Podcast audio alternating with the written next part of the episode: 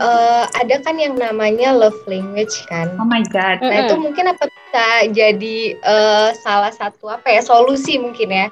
Solusi untuk bagaimana sih cara kita memahami pasangan gitu. Karena kalau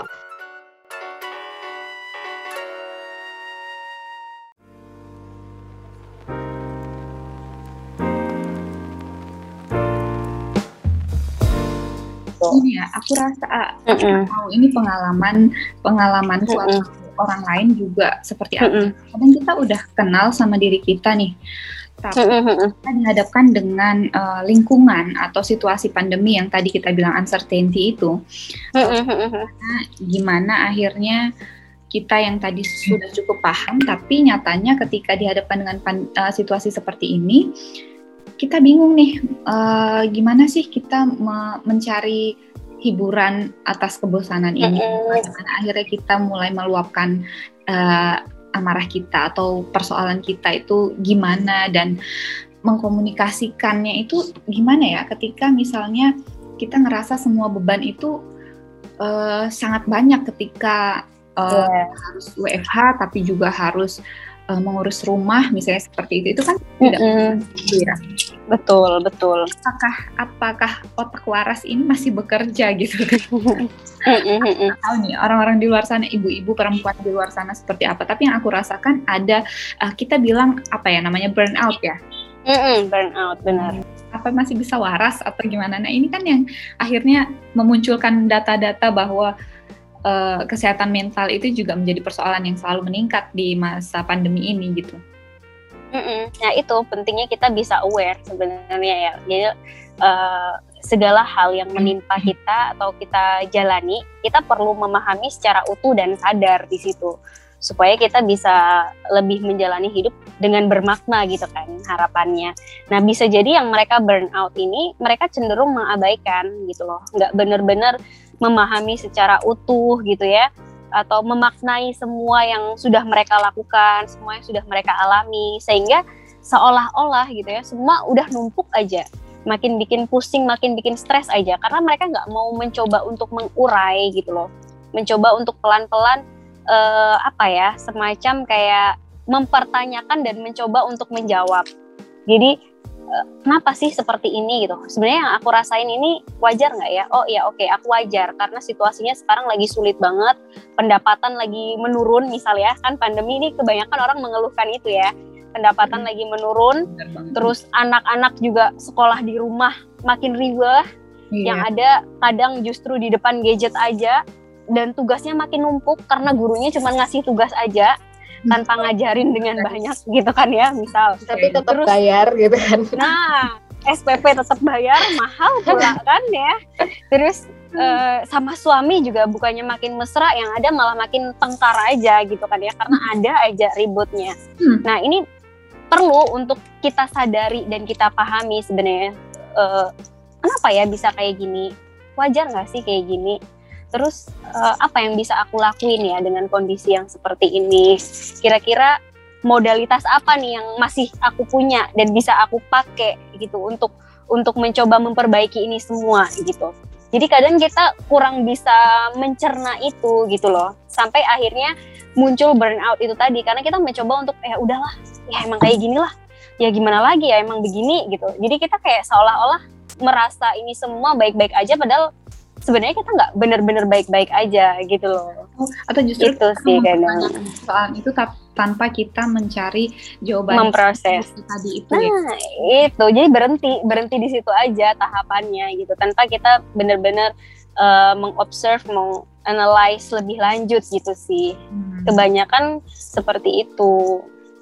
Okay. Nah, tapi kalau misalnya berbicara tentang memahami ya, uh, ada kan yang namanya love language kan. Oh my god. Nah, mm -hmm. itu mungkin apa bisa jadi uh, salah satu apa ya solusi mungkin ya.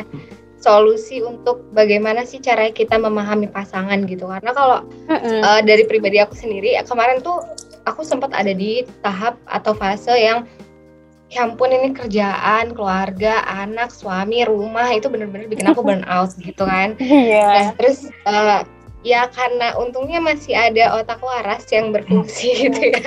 Jadi alhamdulillah. aku ya. alhamdulillah ya. Hmm. jadi uh, oh ada nih yang namanya love language gitu. Bagaimana supaya kita uh, paham dengan pasangan gitu kan. Supaya mm -hmm. karena kan ada uh, love language ada berapa ya? Ada banyak nggak sih? Lima ya empat atau lima ada lima empat atau lima mm -hmm. uh, kayak gitu. Nah itu apa bisa jadi solusi juga gitu untuk memahami pasangan itu seperti apa? Iya jelas jadi memang tiap orang kan punya ini macam-macam ya. Ada yang dia suka kalau dikasih hadiah gitu kan. Ada yang suka dilayani gitu kan ya. Nah ini makanya perlunya kita ngerti dulu nih gimana pasangan kita supaya nggak terjadi miss itu tadi gitu kan ya. Jadi um, ber, berfungsi sih sebenarnya love language ini ya untuk untuk semacam kayak meminimalisir gitu ya. Atau ngebantu kita kalau pas kita dihadapkan pada situasi yang memang lagi berproblem atau bermasalah sama pasangan kita. Atau mungkin sinyalnya udah mulai bunyi ada sesuatu nih bisa kita pakai itu sebenarnya. Jadi balik lagi konsepnya memang kita perlu untuk lebih memahami diri kita dulu gitu ya supaya kita bisa lebih bisa memahami orang lain terutama pasangan kita significant others kita itu tadi gitu. Karena dengan kita udah paham diri kita kita akan lebih mudah untuk uh, belajar memahami orang lain gitu sih.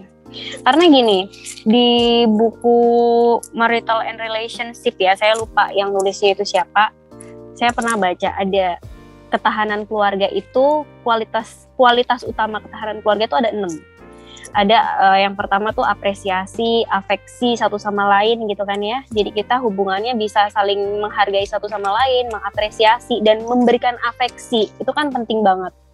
Terus yang kedua ada komitmen. Komitmennya gimana sama keluarga? Karena uh, kadang setiap orang tuh kan dalam me, apa ya, meletakkan prioritas itu kan beda-beda ada yang mungkin mereka orang tua nih ya ibu bapak gitu ya yang prioritinya bilangnya ke orang ke anak misal atau ke keluarga tapi secara implementasinya mereka lebih berat ke kerjaan kadang kan ada yang kayak gitu akhirnya muncul gap nih nah ini perlu kita lihat komitmennya bagaimana sih antara suami istri ini dengan keluarga gitu kan terus kemudian ini nih komunikasi balik lagi akhirnya kan mm-hmm. jadi ketahanan keluarga itu juga ternyata komunikasi ini sumbangsihnya cukup gede juga komunikasi yang positif. Kemudian perlu juga kita ada uh, quality time atau waktu bersama yang memang menyenangkan gitu kan sehingga itu bisa memunculkan memori-memori yang membahagiakan kita gitu. Terus ada uh, secara spiritual gitu ya, ada uh, kita ngerasa apa ya? mungkin lebih sejahtera gitu ya bisa memiliki value yang yang sama gitu loh secara spiritual itu juga penting untuk membangun ketahanan keluarga kemudian uh, kita mampu gitu di keluarga itu untuk menghadapi krisis atau menghadapi stres dengan cara yang efektif jadi jangan salah sebenarnya problem yang ada di rumah tangga itu perlu perlu untuk ada karena dengan adanya problem itu kita bisa belajar sebenarnya tapi dengan catatan kita bisa untuk uh, resolve itu gitu loh dengan cara yang efektif. Tapi kalau ada problem tapi kita nggak bisa handle itu yang jadi masalah sebenarnya gitu. Jadi semakin banyak problem dan semakin berhasil kita menangani itu akan semakin memperkuat keluarga kita. Sebenarnya sih gitu. Makanya itu sih. Cuman kanan keluarga itu ya. Hmm, hmm, hmm, itu. Cuman problemnya kan kadang nggak semua keluarga itu bisa gitu kan untuk menghandle itu. Makanya beberapa mungkin ada yang butuh bantuan profesional. Dia datang ke psikolog gitu kan untuk mencari perspektif baru biasanya. Karena uh, banyak kan orang tuh salah paham. Dia datang ke psikolog maunya instan maunya dapat solusi. Padahal sebenarnya tugas utama kita bukan di situ gitu. Jadi kita sebenarnya untuk solusi untuk um, segala macam keputusan tetap balik lagi ke pasiennya, balik lagi ke klien masing-masing gitu. Jadi kita hanya sebagai apa ya, semacam fasilitator gitu ya, semacam mungkin uh, bagaimana membuka perspektif baru itu tadi sih, gitu. Jadi enam poin ketahanan keluarga itu mungkin bisa salah satunya apa ya kita kita check up lagi deh, apakah kita udah termasuk uh, memiliki enam aspek itu apa belum gitu dalam keluarga kita gitu kan karena memang situasi yang sekarang ini cukup membuat kita lebih kuat gitu ya effortnya ya hmm. karena tekanannya cukup tinggi hmm. gitu kan hmm. Hmm. jadi balik sebenarnya komunikasi ini penting banget sih uh, pas banget ya kalian kan sama-sama belajar dari komunikasi gitu kan jadi luar biasa gitu dari komunikasi yang mungkin nggak berjalan dengan baik ya ternyata bakal memunculkan banyak masalah juga gitu.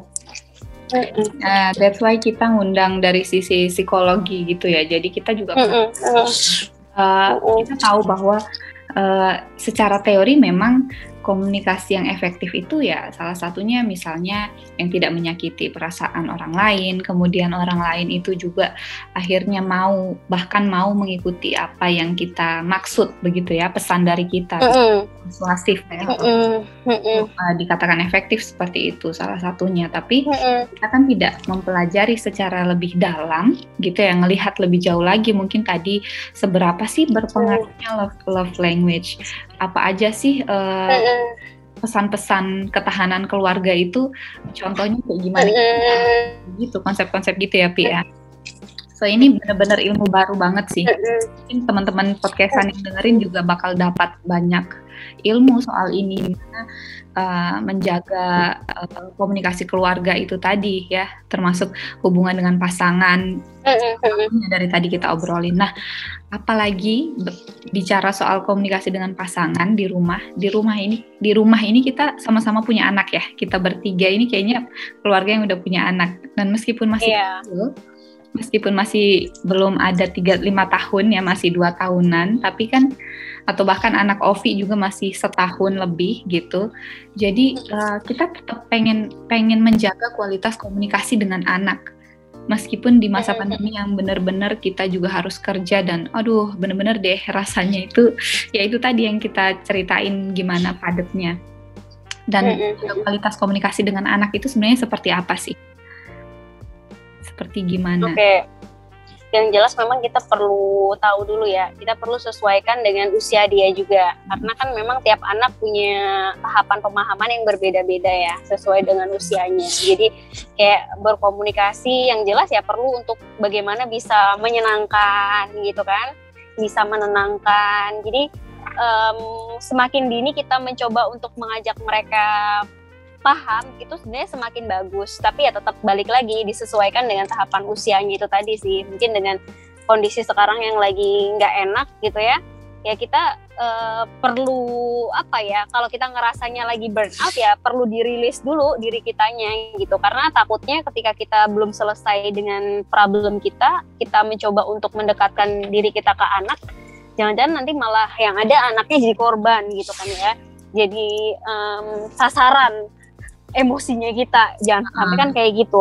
sampai mungkin deh. kita perlu dulu uh -uh, perlu untuk menenangkan diri kita dulu gitu kan. Perlu cari tahu dulu apa nih masalahnya gitu. Ketika mungkin merasa sudah oke okay, gitu kan ya nggak masalah. Kita coba untuk membangun quality dengan anak gitu. Atau jangan-jangan justru kita ngerasanya ketika kita deket sama anak stres kita makin turun nih, misal makin ngerasa lebih tenang ya, berarti kita lebih paham itu bagaimana kondisi kita.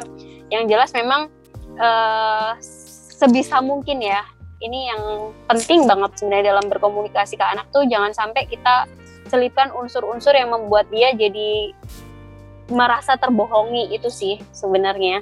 Jadi lebih baik ya sampaikan apa adanya aja disesuaikan dengan usianya kalau komunikasi dengan anak sih sebenarnya intinya di situ. Jadi bukan komunikasi yang agitatif gitu ya, yang mungkin ada ancaman atau komunikasi yang justru menjatuhkan uh, mentalnya dia gitu. Karena memang sejak dini pun gitu ya, mau dia masih usia setahun, mau apa dia sejak dalam kandungan aja sebenarnya udah paham loh komunikasi ibu dan bapaknya itu gitu kan. Jadi ada baiknya memang hal-hal positif terus yang selalu mencoba kita tanamkan ke mereka gitu sih mungkin karena emang uh, mm-hmm. kalau aku lihat juga apa ya uh, sebenarnya polanya itu kan bagaimana uh, hubungan atau komunikasi antara orang tua antara ibu dan bapaknya itu nanti kan akan berpengaruh ke si anak gitu kan ya. Betul karena kalau aku lihat kan uh, anak itu kebanyakan jadi korban gitu loh. Ketika mm-hmm, ketika ada permasalahan antara suami dan istri gitu anaknya yang kena gitu padahal dia nggak tahu apa-apa gitu. Betul. Jadi orang tuanya yang ribut ibu bapaknya yang ribut anaknya yang kena sasaran gitu ya. Mm bener banget sih. Atau mungkin nggak sampai ribut cuman kesel aja ibunya mendem atau bapaknya mendem akhirnya dilemparinnya ke anak. Itu kan yang kasihan juga. Ya, nah itu sih gawat banget. Uh, hmm. biasanya kan memang umumnya ya uh, mungkin tadi kita bilang di awal kalau uh, eh, KDRT meningkat tapi kita nggak uh, survei-survei ini nggak menunjukkan data gimana anak itu akan selalu menjadi korban begitu ketika uh, misalnya di masa pandemi banyak anak juga yang sekarang menjadi yatim piatu gitu kan. Mm benar. Banyak anak juga yang misalnya apa menjadi lampiasan amarah gitu ya. Ini sih yang dari untuk apa sebagai sebagai bentuk komunikasi yang efektif dengan anak yaitu dengan cara yang menyenangkan itu ya tadi kata Sofi itu termasuk. Mm -mm, mm -mm, mm -mm. Karena kadang anak-anak itu mereka gini loh, hampir 100% ya, hampir sih ya, nggak bisa disebut 100% juga. Hmm. Rata-rata hmm. mereka yang datang ke psikolog, ke psikiater gitu ya, itu bermasalah memang berangkatnya dari rumah gitu loh, dari keluarga gitu. Jadi ini perlu kita pahami bersama. Jadi kesehatan mental itu ya memang berawalnya dari awal kita hidup dari keluarga itu tadi kan dari ibu dari bapak kita gitu kan jadi kalau kita belum bisa me membangun apa ya uh, semacam lingkungan yang sehat gitu untuk anak bisa bertumbuh dan berkembang di situ ya jelas akan sangat ini um, resikonya cukup tinggi gitu ya untuk anak-anak ini jadi rentan gitu kan secara psikologis gitu di situ. Jadi Sangat, ada ya. anak yang mungkin uh -uh, dia mungkin neglect ya apa uh, terlantar bukan berarti dia terlantar terlantar secara fisik nggak punya orang tua banyak anak-anak yang neglect dia orang tuanya masih ada tapi terabaikan secara emosional yang mungkin itu tidak tidak kita pahami bersama, tidak kita sadari gitu loh. Kalau kita secara emosional tidak memberikan pemenuhan itu ke anak gitu kan, secara afeksi kurang gitu, sehingga anak ngerasa kayak rejected gitu kan, ditolak sama orang tuanya, ngerasa terabaikan, ngerasa terasingkan. Nah akhirnya dia uh, untuk harga dirinya pun juga nggak terbentuk dengan baik gitu kan, self esteemnya nggak bagus. Terus akhirnya merasa kayak seolah-olah dia nggak diharapkan kehadirannya sama orang tuanya. Nah itu yang akhirnya memunculkan problem dan gangguan psikologis di masa yang akan datang. Kalau sejak dini pun, sejak kecil pun dia udah kita pupuk yang kayak gitu gitu ya. Terus nanti ketambah lagi sama pengalaman-pengalaman dia mungkin pada saat SD, SMP, SMA, nauzubillah ya, misal dia dapat jadi korban bully misal. Atau mungkin dia dapat pengalaman yang gak enak gitu ya. Atau mungkin kita membiasakan pola asuh yang ini conditional uh, apa ya apa sih hubungan yang memang kita mengkondisikan sesuatu anak itu nggak nggak nggak mencintai dia apa adanya. Jadi terkondisikan anak harus begini harus begitu supaya kita cinta sama dia supaya kita sayang sama dia. Ya. nah uh, jadi dengan syarat itu tadi ya kita cintanya itu kan akhirnya membuat anak juga nggak bagus gitu kan pertumbuhan dan perkembangannya gitu secara psikologis itu sih. Jadi memang jangan sampai kita menjadi salah satu gitu ya penyebab anak-anak kita ini tumbuh jadi anak yang nggak sehat, sehat. Uh, uh, itu sih. Ya sih itu ketakutan-ketakutan yang kadang mungkin dari aku juga timbul ya, uh, dan -hmm. hadapkan dengan apa penuhnya jadwal dan uh. yang kita mau ngajak anak main itu juga susah banget sekarang mau ngajak keluar uh. ya kan jadi kayak orang tua itu benar-benar dikasih tantangan di challenge gimana sih dia tetap bisa membuat suasana yang nyaman di rumah yang interaksi dan komunikasi yang baik dengan anak. Dan itu yang betul. susah banget gitu aku rasain sekarang. Ini uh, challenging banget sih. Iya. iya. Karena gimana pun juga kita merasa kita perannya sebagai ibu iya. Sebagai istri iya. Hmm. sebagai perempuan yang memang memiliki apa ya eh, kebutuhan-kebutuhan di luar peran kita sebagai ya. ibu dan sebagai istri juga iya gitu kan ya. ya Karena kita juga butuh beraktualisasi diri di situ kan. Jadi mungkin dilemanya di situ sih, gimana supaya bisa balance gitu, supaya bisa tetap uh, baik-baik aja gitu kan semuanya. Ya, ya, Anyway, Padahal itu juga nggak mudah. anyway, ini keluar dari topik pembicaraan banget. Uh, aku keinget kalau ngomong sama Sofi itu keinget zaman kita SMA. Jadi kebetulan aku sama Sofi ini teman SMA ya di di Jawa Timur. Iya. yang penuh dengan ya Allah luar biasa. Uh, ya anak-anak ya anak-anak banget lah zaman dulu. uh, cuma yeah, yeah. yang yang ngebuat terkejut itu adalah kita nggak ada komunikasi sama sekali ketika lulus SMA. Kemudian um, Iya kan, kuliah kita nggak ada komunikasi ya. Cuma, Los banget ya. Padahal sama-sama di Malang nggak sih kita kan ya? Apa, uh, uh. Pokoknya di Malang itu aku pun jarang komunikasi sama teman-teman SMA gitu. Iya. Dan ketika uh, uh. kita sama kerja, justru di situ kita mulai intens lagi. Baru ya. nyambung. Ya, setahun lagi deh kayaknya. Mulai intens lagi. Dan yang bikin shocking itu adalah kita ini sama-sama anak IPA dulu ya tapi kita jalur yang beda banget yang nggak IPA banget aku rasa yang nggak ya. Iya. Yang nggak uh, biologi kimia uh, atau fisika atau bahkan dokter ya. Jadi bener-bener mm -hmm.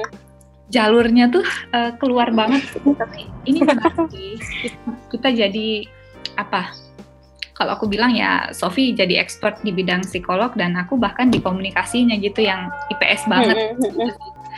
Ini udah azan, uh, mungkin kita closing aja deh ya. Uh, Oke. Okay. Uh, kita udah dapat banyak banget apa pesan dan juga um, apa pesan dan dan banyak sharing lah soal isu-isu uh, yang menjadi keresahan teman-teman podcastan gitu ya. Um, semoga episode kali ini tuh bisa apa ya? Misalnya kan karena uh, isu yang kita angkat ini kan benar-benar yang relate ya sama uh, fenomena yang ada sekarang gitu. Apalagi kita sebagai keluarga muda gitu dengan anak-anak yang masih golden age uh, sampai lima tahun gitu ya. Itu uh, semoga sih podcast ini tuh bisa menjadi apa yang nggak sekedar yang ah ini mah teori aja. Kan biasanya kan kayak gitu tuh. Ter, uh, kalau teori sama praktek itu jauh gitu kan kalau misalnya orang-orang bilang ah, ini teori aja mah gitu prakteknya mah susah gitu kan nah tapi semoga dengan teman-teman podcaster yang dengar ini tuh ini tuh bukan sekedar teori tapi ini tuh bisa diaplikasikan uh, langsung jadi tips gitu buat kita gimana supaya bisa mempertahankan keluarga yang sehat di tengah pandemi. Amin amin semoga ya. Seru banget uh, ngobrol-ngobrol uh, kali ini banyak banget ilmunya ya. Oke okay, gitu aja. Uh, Sampai ketemu lagi uh, di yang lain, teman-teman podcastan. Uh, terima kasih juga buat uh, Mbak Sofi udah meluangkan waktunya Aku yang terima kasih kita kali ini. Gitu. Udah dikasih kesempatan, udah diundang. Iya. Mudah-mudahan bisa bermanfaat. Ini follow ya. listenernya membludak gitu ya. Insya Allah. Amin, amin, amin. Thank you. Thank you. Okay. Okay, bye.